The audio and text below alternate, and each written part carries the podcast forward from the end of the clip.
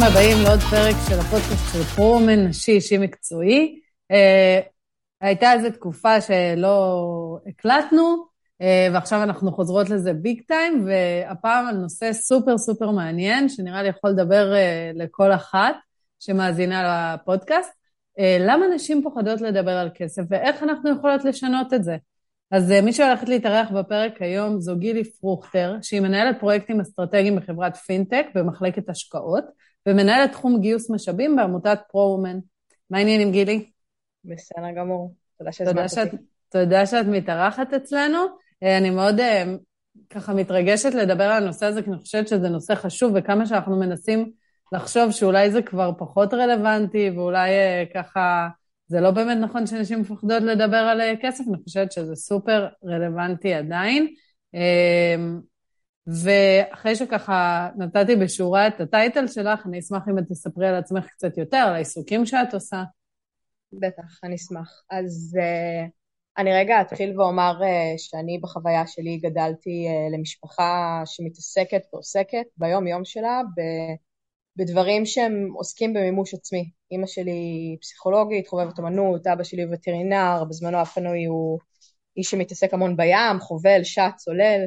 אחותי היא סטודנטית אה, לפסיכוביולוגיה, והתחומים שמעניינים אותה זה מד... חקר מדעי המוח. זאת אומרת, אני גדלתי בתוך איזושהי אווירה שמקצוע, אה, עבודה, זה משהו שהוא מרחב למימוש והוא לא בהכרח משהו שצריך לעשות כי צריך לעשות. ברור שיש גם אלמנט כזה, אבל זה הרבה מאוד עניין של, אה, של, של מרחב לחוויית מימוש אישית שלך ועשייה שהיא נובעת מדברים שאתה אוהב ואני באמת גאה לומר שהיום אני עושה דברים שאני אוהבת רוב הזמן וזה לא מובן מאליו אמ, אבל כן, אני באמת משתדלת לדייק את זה מאוד לעצמי כל פעם מחדש, כשזה מגיע למסלול קריירה שלי, ולשאול את עצמי מה מעניין אותי ומה אני רוצה לעשות.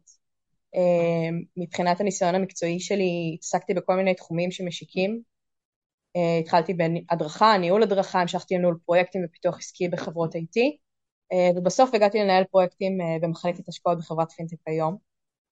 לפני שלוש שנים כמעט אה, נכנסתי לעולם הזה של, של פינטק ונשאבתי אליו בקטע מאוד אה, חיובי. הוא עולם גדול ומרתק, מאוד רלוונטי גם, אה, ומתפתח בקצב מטורף, ונורא בקלות נשאבתי לתחום הזה, והרגשתי שנה וחצי לתוך הדבר הזה, שגם חשוב לי לעשות משהו שיש בו אלמנט של עשייה חברתית,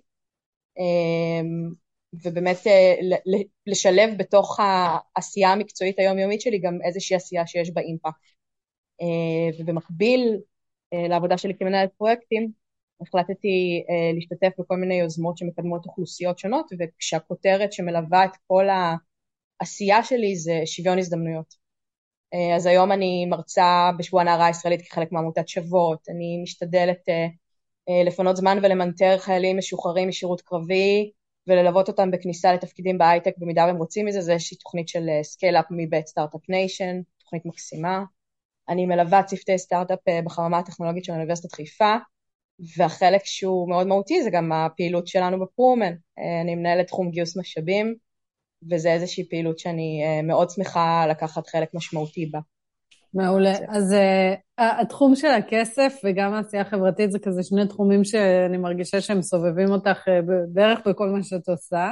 אמ, ובאמת הנושא שלנו זה באמת כסף, ולמה נשים פוחדות לדבר על כסף, איך אפשר לשנות את זה, אבל אני חושבת שכמו שאמרתי בהתחלה, יש אה, אנשים ונשים שכרגע מאזינים ומאזינות לנו ואומרים, מה פתאום, פעם זה היה ככה.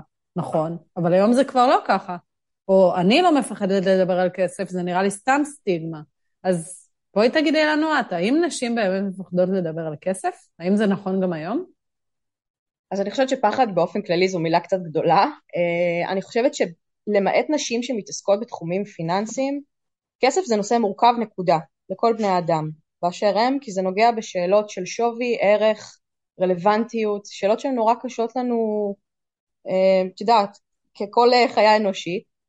אני חושבת שלנשים זה על אחת וכמה וכמה יותר מורכב. אני לא חושבת שהן מפחדות, אני חושבת שהן לפעמים, לא תמיד, מגיעות לשיח הזה ממקום שדורש מהן יציאה מאזור נוחות מסוים. אמ, הרבה מאוד נשים היום, לא כולן, ואני שוב מחריגה נשים שמתעסקות בפיננסים, מגיעות לדבר על כסף ממקום אה, של נקודת נחיתות. הרבה מאוד נשים היום עדיין תלויות כלכלית בגברים, אה, ולכן כל השיחה על הנושא הזה היא, היא מתחילה מנקודה, אני לא אגיד נמוכה, אבל אני אגיד, היא תרבותית ממצבת נשים בשיח מול כסף ממקום קצת אחר מגברים. גם בלגיטימציה החברתית והיכולת לדבר על כסף, זאת אומרת האם זה נחשב נשי לדבר על כסף?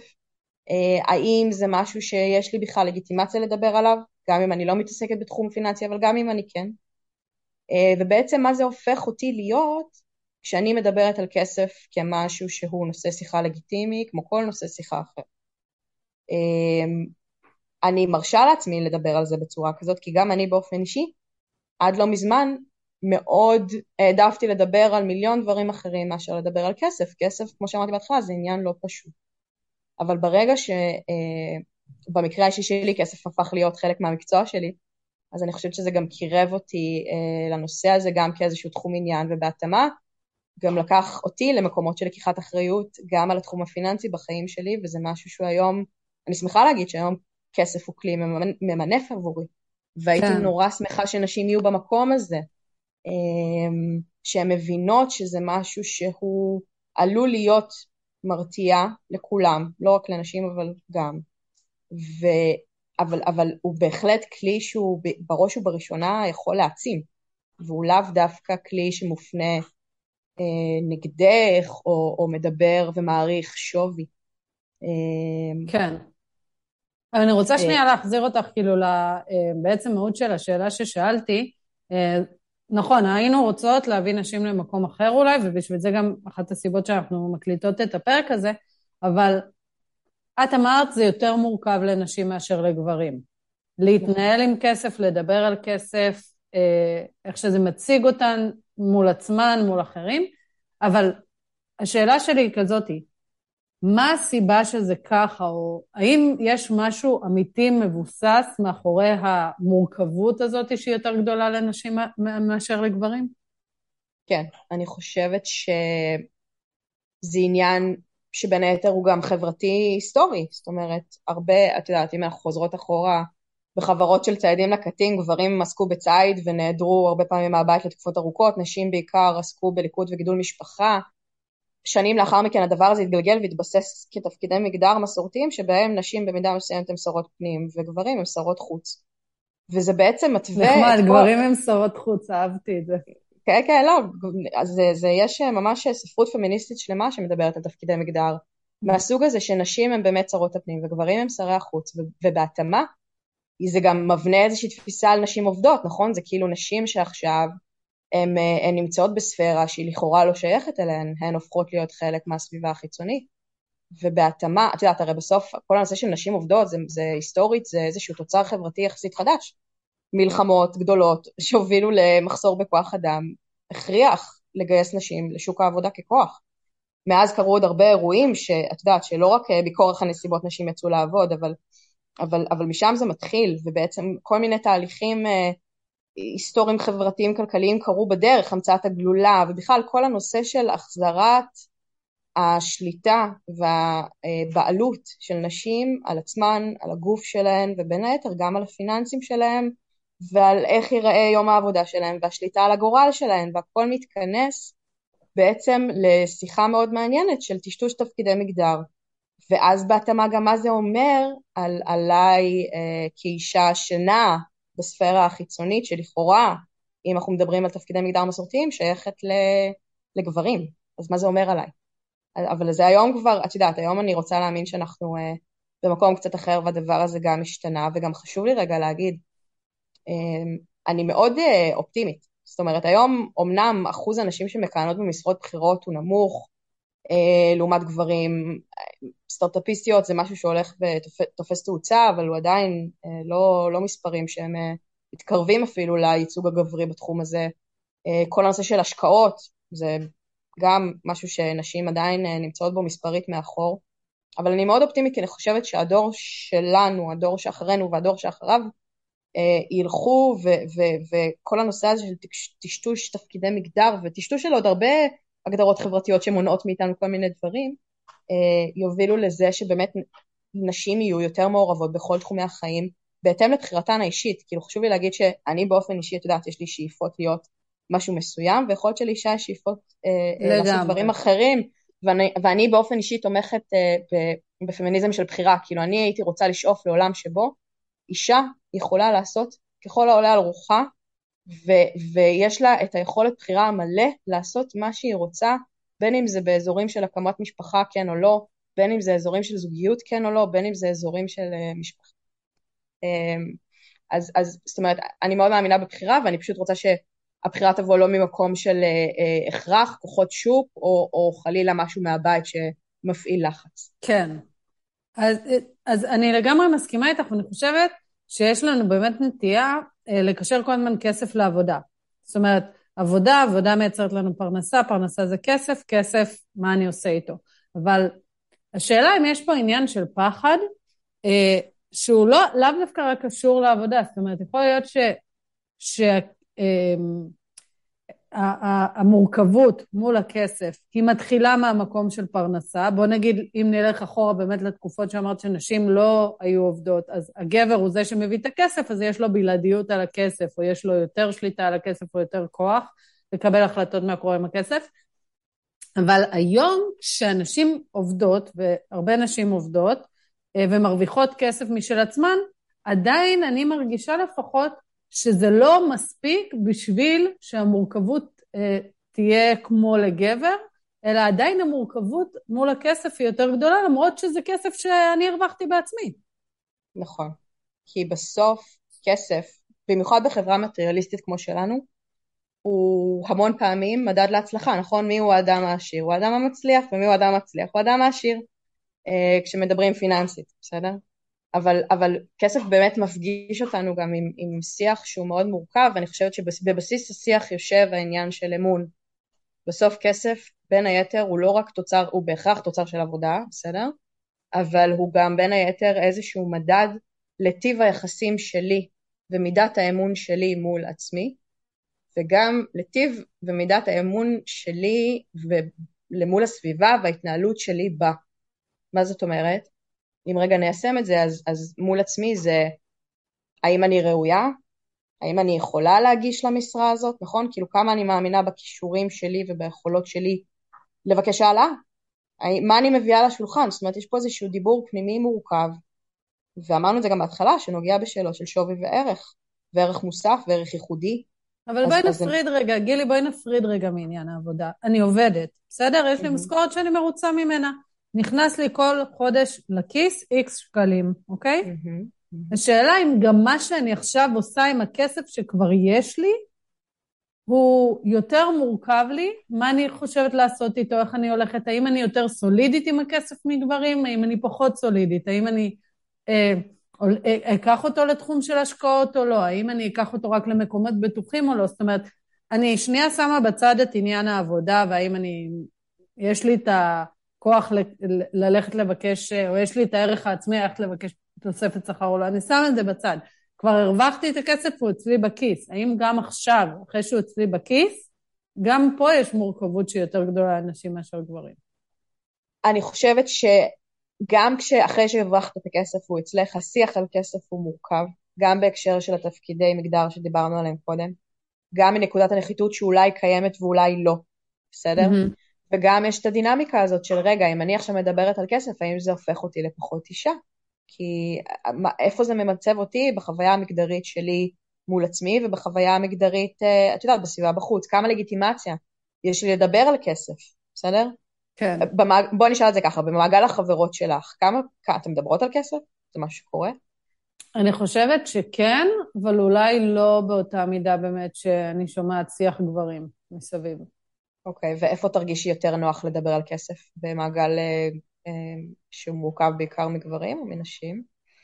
על פניו אני רוצה להגיד שזה לא משנה לי, אבל mm-hmm. אני לא יודעת מה יקרה ברגע האמת. אני רק רוצה להגיד שבתפיסה שלי את עצמי ואת איך שאני רואה את זה, אני רוצה להגיד שזה לא משנה לי, אבל שוב, לכי תדעי מה יקרה ברגע האמת. כן. אני יכולה להגיד לך שבאופן אישי אני מרגישה לגיטימציה הרבה יותר גדולה לדבר על כסף במעגל שהוא אה, גברי. בסביבה של ידידים שלי לצורך העניין, אני מרגישה שהשיח על כסף הוא כמו כל נושא שיח אחר.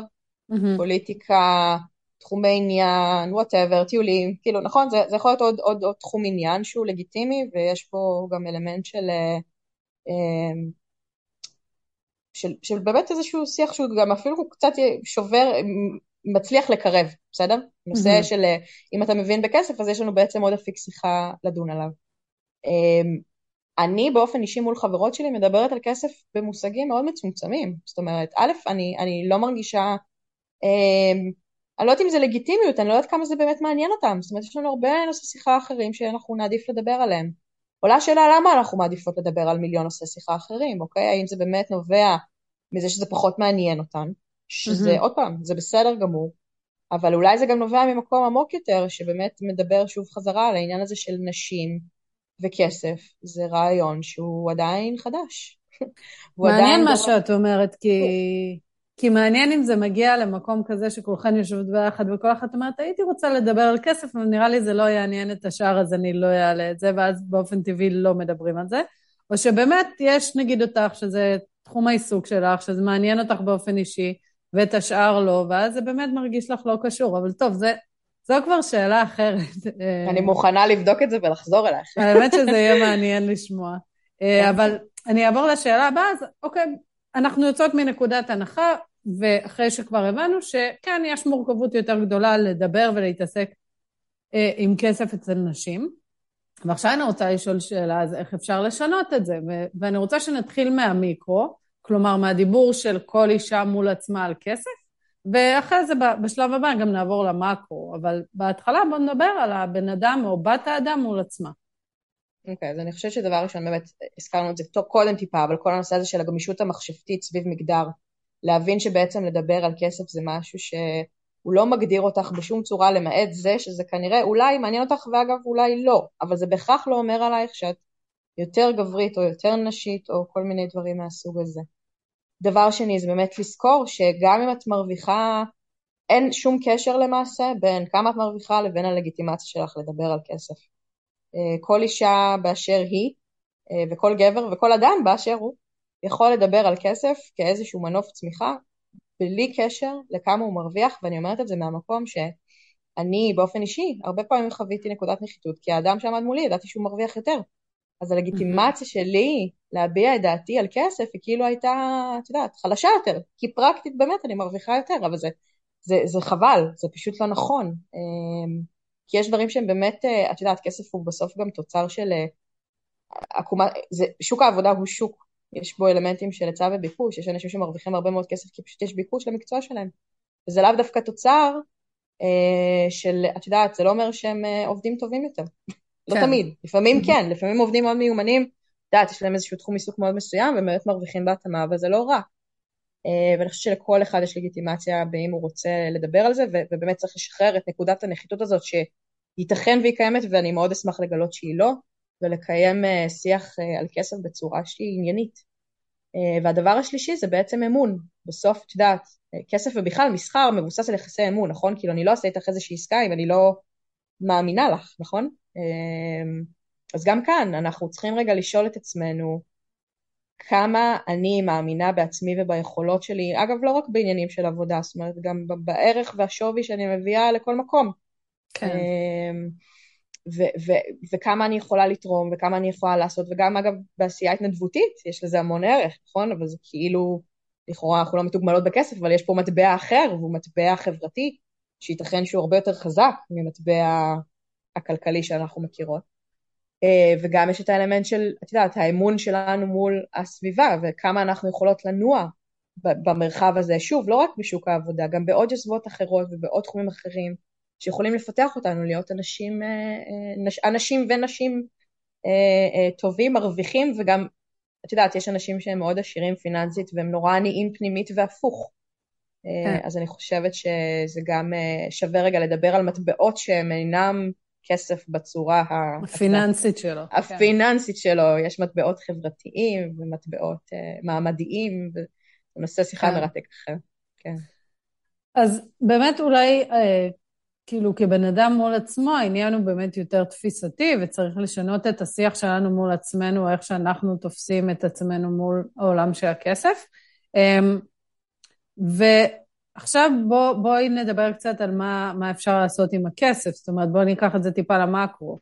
אה, מה אנחנו יכולות לעשות אה, מחוץ לעולמנו הפרטי, בעולם הגדול מה שנקרא, עם כסף, מה אנחנו יכולות לעשות כדי להחזיר לעצמנו תחושת ביטחון מול כסף, בשביל להרגיש שאנחנו מתחילות להבין יותר מול כסף, כדי לא לפחד לדבר, אבל לא רק לדבר, גם להשתמש בכסף בצורות שהן לא ה-comfort zone שלנו. מגניב. אז לפני שאני אענה, אני רק אגיד כי אני מחויבת שזה פרק שהוא נותן רק נקודות למחשבה והוא לא מחליף אה, שום ייעוץ עסקי, פיננסי אה, באשר הוא, ואני מאוד ממליצה לכל מי שרוצה ורוצה לגשת ליועצים פיננסיים וכלכליים, וזה לא מהווה שום עצת השקעה או עצה, עצה עסקית מכל סוג שהוא. ברור וחשוב. חשוב להגיד את זה, וחשוב ככה, אחרי כן. שכיסינו את עצמנו, אז אני יכולה לבוא ולהגיד שאני חושבת שבסוף, אה, אם יש לך כסף ואת רוצה אה, למנף אותו יותר ולעשות ממנו עוד ולהתפתח לתחומים אחרים, את יכולה להשקיע את הכסף שלך. ובעצם כשאנחנו מדברים על השקעה, אנחנו מדברים על סכום של העברה של כסף או הון לגורם אחר שמייצר לנו הכנסה, אה, בין אם זה בצורה של תשואה, בסדר? אה, כמו איזושהי אה, הכנסה שוטפת על איזשהו תוצר של השקעה, אפשר נגיד לקרוא כל מה שקשור לריביות או דמי שכירות הם נחשבים תשואה, או שאנחנו מדברים על הגדלה והכנסה הונית. למשל, אם, אם ההורים שלי קנו נכס שווה X, היום הוא שווה X פלוס Y, עליית הערך שלו, זה מה שנקרא הכנסה הונית. נהוג בסוף לחלק uh, סוגי השקעה ברמה מאוד גסה לשלוש. Um, כל הנושא של uh, נדל"ן, מסחר בניירות ערך, שזה הבורסה ושוק ההון, והשקעה בעסק. אלה שלושה אפיקים, כל אחד מהם הוא עולם תוכן שלם, שאני חייבת להגיד שיש היום מידע חינמי אינסופי אה, שאפשר ללמוד על כל אחד מהתחומים האלה ובאמת לקחת את הכסף ש, אה, שיש ולהשקיע אותו בצורה שנכונה אה, לך ובהתאם למטרות שלך. אפרופו כסף ככלי ממנף ולא כאלמנט מגביל. Mm-hmm. אז, אז גם היה, היה איזשהו קמפיין מאוד נחמד בחברה שאני עובדת בו, שאומרת שאם אנחנו נשים מהוות מחצית מאוכלוסיית העולם, בהתאמה אה, נשים צריכות לעבוד לפחות 50 אחוז אה, משוק ההון. היום זה, אה, זה, לא, זה לא הכיוון, בסדר? אני מאוד הייתי שמחה שנשים, את יודעת, יבינו את הכוח הגדול הזה של השקעה וישתמשו mm-hmm. בזה עבורן, עבור המטרות שלהן.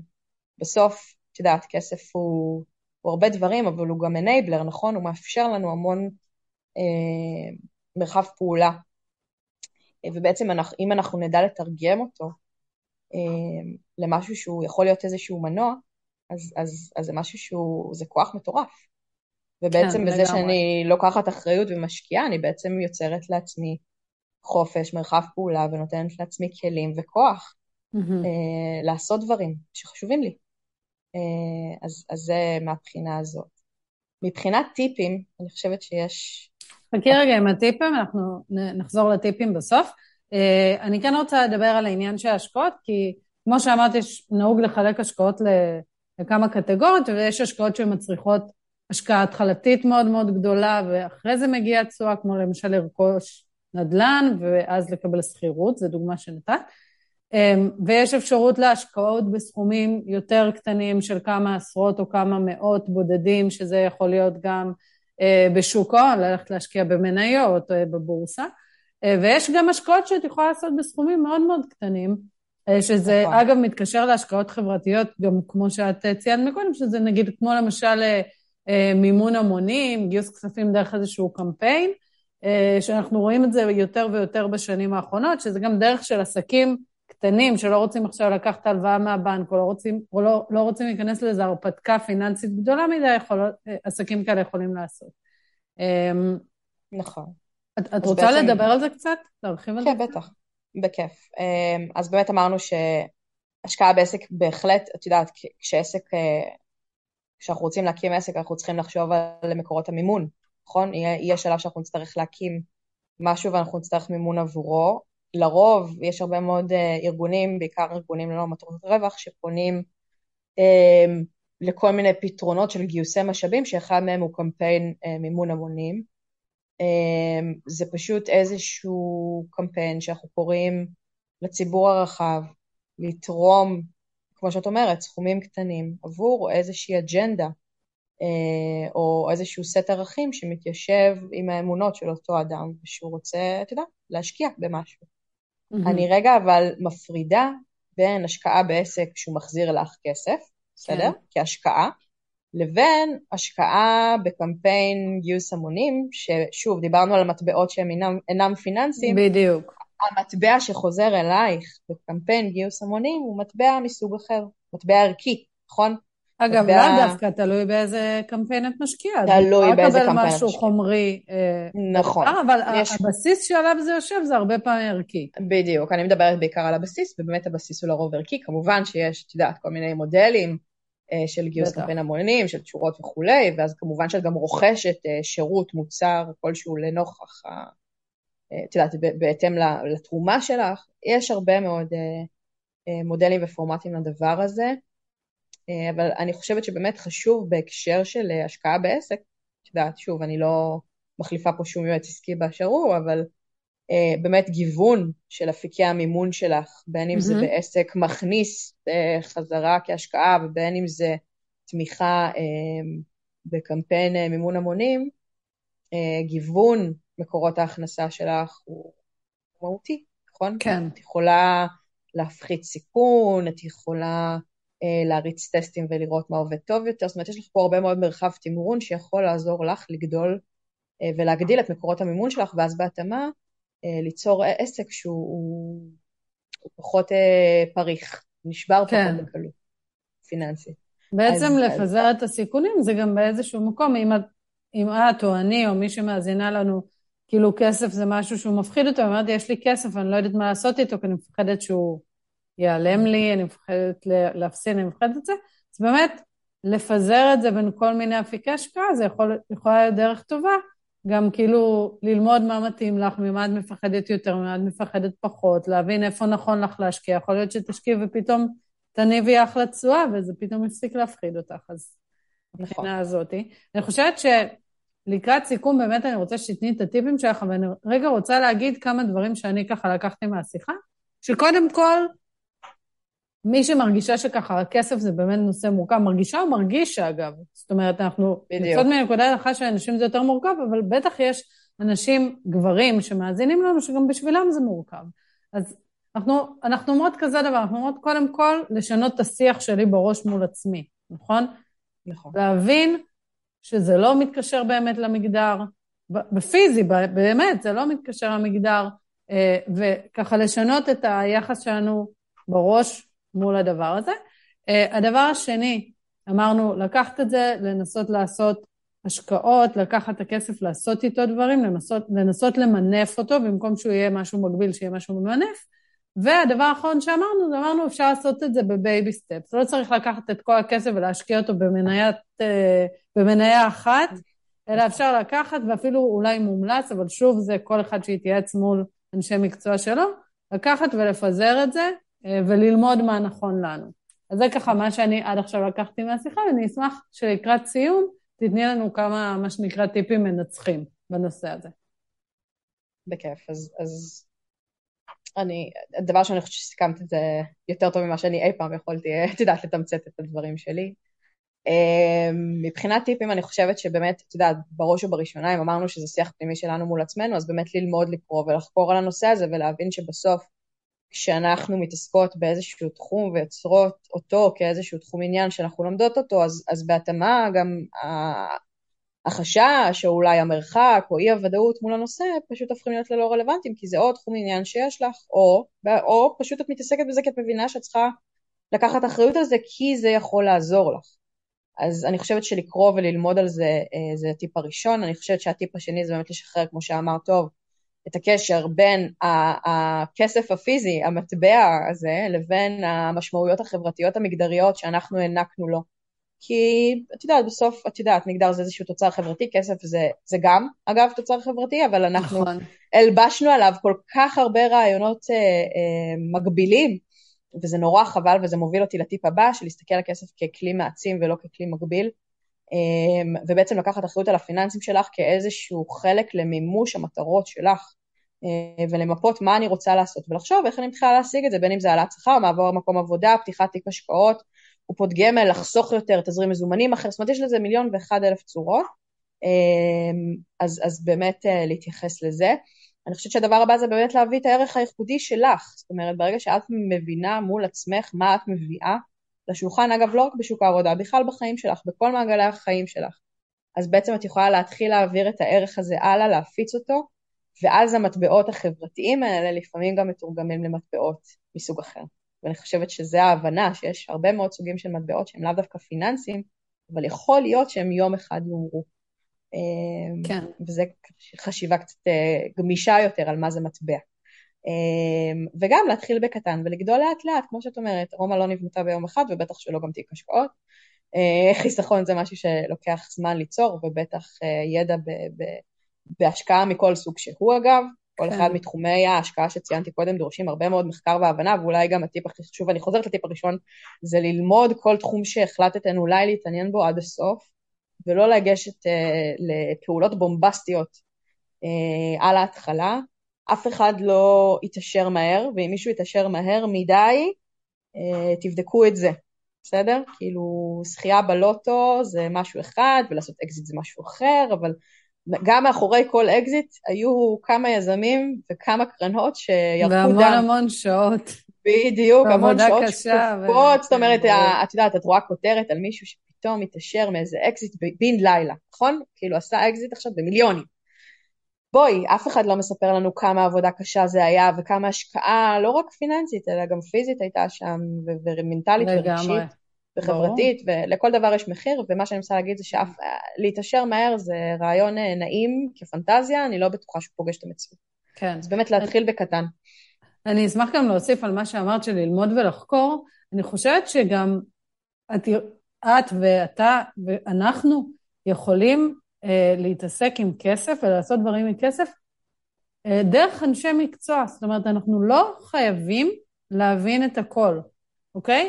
למשל, רוצים לקחת כסף ולשים אותו בהשקעות. תיקי השקעות, יש אנשים שזה המקצוע שלהם לנהל, תיקי השקעות. עכשיו בסדר, יש נכון. לזה משמעויות, אם אתה לא עושה את זה בעצמך, אתה משלם בני ניהול וכדומה, הכל בסדר. אפשר לחקור את התחום וגם להגיע למסקנה שמה שמתאים לנו באופן אישי זה שאיש מקצוע יעזור לנו למנף את הכסף. וגם בסדר גמור. חד משמעית להיעזר ביועצים. אני כן אגיד בהקשר, בהקשר הזה שאני חושבת שזה מאוד נכון, את יודעת, להחליט שזה מעניין אותי עד, מס... עד גבול מסוים, נכון? ואם כן. זה הפסיק לעניין אותי, ואני עדיין רוצה לעשות עם זה משהו, אז בהחלט לתת את זה ליועץ, אבל גם כן לשאול את עצמי רגע, מה האינטרס של אדם שעומד מולי? אגב, אינטרס זה לא דבר רע, זה בסדר, זה בסדר שליועץ כן. השקעות יהיה את האינטרס שלו לייצר השקעה מסוג מסוים. שזה בסדר, להיות... רק צריך להבין את זה וללמוד את זה. צריך להבין את המשמעויות של זה ולראות. שזה מתכנס עם השאיפות שלך כצרכן נכון. ולקוח. נכון. uh, מעולה, אז uh, אנחנו ככה נסיים את הפרק שלנו uh, עם שאלון סיום שאנחנו שואלות, שאני שואלת כל אחת מהאורחות בפרק, וזה ככה משהו יותר אישי כדי שנכיר אותך קצת מעבר לטייטלים המקצועיים שלך, למרות שסיפרת לנו הרבה על המשפחה, אז פה אני חייבת להגיד נכון. ששיתפת אותנו מעבר, אבל ניקח את זה עוד צעד קדימה עם השאלון סיום שלנו. אה, אז חמש שאלות, תשובות אה, ממוקדות, וככה, מה שאת מרגישה בנוח לשתף. אז מהי התקופה הכי משמעותית בחיים עד כה? יש כמה. אבל אני אבחר uh, את התקופה של תחילת הקורונה, אני חושבת שהרבה אנשים חוו כל מיני דברים במהלך הקורונה, אני באופן אישי, um, נוצרה לי הזדמנות uh, להתפתח אישית ומקצועית בתקופה הזו, ובאמת הכניסה לעולם הפינטק בשלב הזה הוא מהווה איזושהי נקודת uh, פיבוט מאוד משמעותית בחיים שלי, כי היא באמת חשפה אותי לעולם שהיום הוא מאוד מאוד מעניין אותי ואני מאוד אוהבת אותו. מעולה.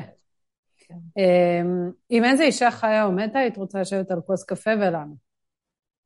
אני חושבת שמאוד הייתי רוצה לשבת עם וירג'יניה וולף, אותה סופרת פמיניסטית mm-hmm. אנגליה, כתבה את חדר משלך, חדר משלך הוא איזשהו טקסט פמיניסטי מאוד uh, מרכזי בהגות הפמיניסטית, היא דיברה על כל הנושא הזה שמה מקומן של נשים במרחב הספרותי שבזמנו נשלטה על ידי גברים, היום זה כבר, את יודעת, ספרות זה, אני חושבת, נחשב טיפה אולי קצת יותר נשי והדבר הזה השתנה, אבל בזמנו, את יודעת, ב-1929, כשזה רק התפרסם, אה, זה היה מאוד חתרני, ומעניין אותי היום מה היא הייתה אומרת, כאילו היא כתבה אז בזמנו על חדר משלך כעל איזשהו מרחב של יצירה וכתיבה, מעניין אותי היום אם היא הייתה מדברת על אה, מחשב משלך, או על אה, חשבון השקעות משלך. מה, באמת מעניין, הייתה... מעניין לשמוע את האינטרפטציה שלה על העולם של היום. כן, mm. כאילו מעניין לקחת את התבנית חשיבה הזו ובעצם ליישם אותה על עולם מודרני כמו שלנו. לגמרי. אמ, אז שאלה הבאה, מה היית עושה אם לא היית מנהלת פרויקטים אסטרטגיים בחברת פינטק? לצורך העניין. אתה יודע, יש אנשים שנורא מתחבטים בשאלה הזאת, לי זה נורא ברור, אני נורא רוצה להיות אוצרת במוזיאונים. אה, אני מאוד אוהבת... וואו, איזה shift. כן, כן, כן, לא, זה shift. אגב, אני, כאילו, יכול להיות שזה גם יקרה, כן? אבל כן. Uh, אני מאוד הייתי שמחה להיכנס לאט לאט לעולם של אומנות ולאצור תערוכות, זה אחד מהחלומות שלי. ואין לי ספק שאם לא הייתי מתעסקת בזה, הייתי עושה את זה. וואו, איזה... ככה, זה באמת שינוי, מנהלת פרויקטים אסטרטגיים בחברת פינטק, זה נשמע בדיוק 180 מעלות מיוצרת אני... אומנות, ומצד שני זה נחמד כאילו שיש שני תחומי עניין שהם במהות שלהם כל כך שונים, אבל בעצם שניהם מושכים אותך ב... תשמעי, גם יש, יש קשר ששווה לדבר עליו, זאת אומרת, יש השקעות באומנות, זה לא תחום שהוא כל כך מפותח בארץ, אבל זה לגמרי משהו שקיים, זה דבר כן. ראשון. דבר שני, לא אוהבים לדבר על זה, אבל גם אומנות היא עסק. ויש בו אלמנטים, uh, יש בו אלמנטים מסחריים uh, כמו כל עסק אחר. אני חושבת, לצערי, שבארץ זה פשוט פחות מפותח. אז, כן. אז פחות עושים את הקישור, אבל אני לחלוטין רואה את הקישור בין אומנות והשקעות לבין ניהול פרויקטים, את יודעת, בחברת פינטק לבין ניהול פרויקטים בסוף במוזיאון. טוב, זה... אז רק אני מבקשת שכשתעצרי את הארוחה הראשונה שלך, תזמיני אותי. את הראשונה. יאללה. Um, ספר שאת ממליצה לקרוא, הרצאה שאת ממליצה להאזין אז חדר משלך של וירג'יניה וולף כבר אמרנו קודם, אז אני אתן עוד uh, ספר קטן. יש ספר חדש של שאול אמסטרדמסקי, שנקרא כסף טוב. אה, זה ספר נורא נעים, הוא בעצם מאגד הרבה מאוד פרקטיקות מהרבה מאוד ספרים, את יודעת, יש הרבה מאוד כתיבה ומסה על, על כלכלה ואיך להתנהל עם mm-hmm. כסף, זה אינסופי. ואני חושבת שמה שיפה בכתיבה של שאול אמסטרדמסקי זה שהוא לוקח באמת את מיטב הפרקטיקות והעצות ומכנס את זה לאיזשהו ספר אה, יחסית פשוט, קל ומבואי ונעים לקריאה. אז אני מאוד ממליצה על זה. שמה, או של מה לעשות עם כסף? כאילו... כן, מה לעשות עם כסף, איך להתייחס לכסף. גם, אני חושבת שזה גם ספר שהוא, את יודעת, אני, אני באופן אישי חושבת שהוא גם יכול להתאים לבני נוער היום, חלק מחינוך פיננסי, שאולי אפשר לעבוד עליו קצת יותר. אה, אז לגמרי, אבל הוא, הוא, אני קראתי אותו, את יודעת, וזה היה לי, אה, הוא, הוא סידר לי, הוא סידר לי הרבה מאוד מושגים גדולים אה, לפרקטיקות קטנות, למשל, את יודעת, סתם, כשמדברים על כסף אז תמיד לא יודעים מאיפה להתחיל, אז הוא אומר, התזרים הוא המלך. זה נכון, mm. יש משהו כאילו, יש משהו כל כך פשוט במשפט הזה, אבל, אבל את יודעת, ספרים כל כך מורכבים, ואתה לפעמים מרגיש אבוד, והוא כותב את זה בצורה כל כך נעימה, אה, אז אני ממש ממליצה. אז כסף טוב של שאול אמסטרדמסקי, נכון? נכון. נכון. מעולה. ושאלה אחרונה, איפה את אה, רואה את עצמך עוד חמש או עשר שנים מהיום? אני מאוד רוצה להיות מנהלת קרן השקעות. אני עוד לא יודעת מאיזה סוג, ומאוד הייתי רוצה שבין היתר זו גם קרן שתתמוך בהשקעות אה, אימפקט, וגם תתרכז בתמיכה בחינוך ובאומנות. אני חושבת שכחברה הבנו ממזמן שלאומנות ולחינוך יש מקום מרכזי בהוויה האנושית מלבד אה, המנגנון הכלכלי שהוא קריטי. אה, זהו. אז לשלב את עוד עשר שנים, תשלבי את כל העולמות. הלוואי, זה, זה החלום. יפה. מאוד. Uh, טוב, אז סיימנו את הפרק, אז תודה רבה לך שהתארחת אצלנו ועשית לנו קצת סדר על למה נשים פוחדות לדבר על כסף, מה המורכבות ואיך אנחנו יכולים ויכולות להתמודד עם זה. Uh, אני מקווה שנהנית. מאוד, רציתי להגיד תודה רבה שהזמנת אותי ומאוד נהניתי מהשיחה. גם אני. ותודה רבה לכל מי שמאזינה ומאזין לנו. מוזמנים ומוזמנות להאזין גם לשאר הפרקים שכבר יש ולפרקים שעוד יהיו. וזהו, תודה רבה ולהתראות. תודה, ביי ביי.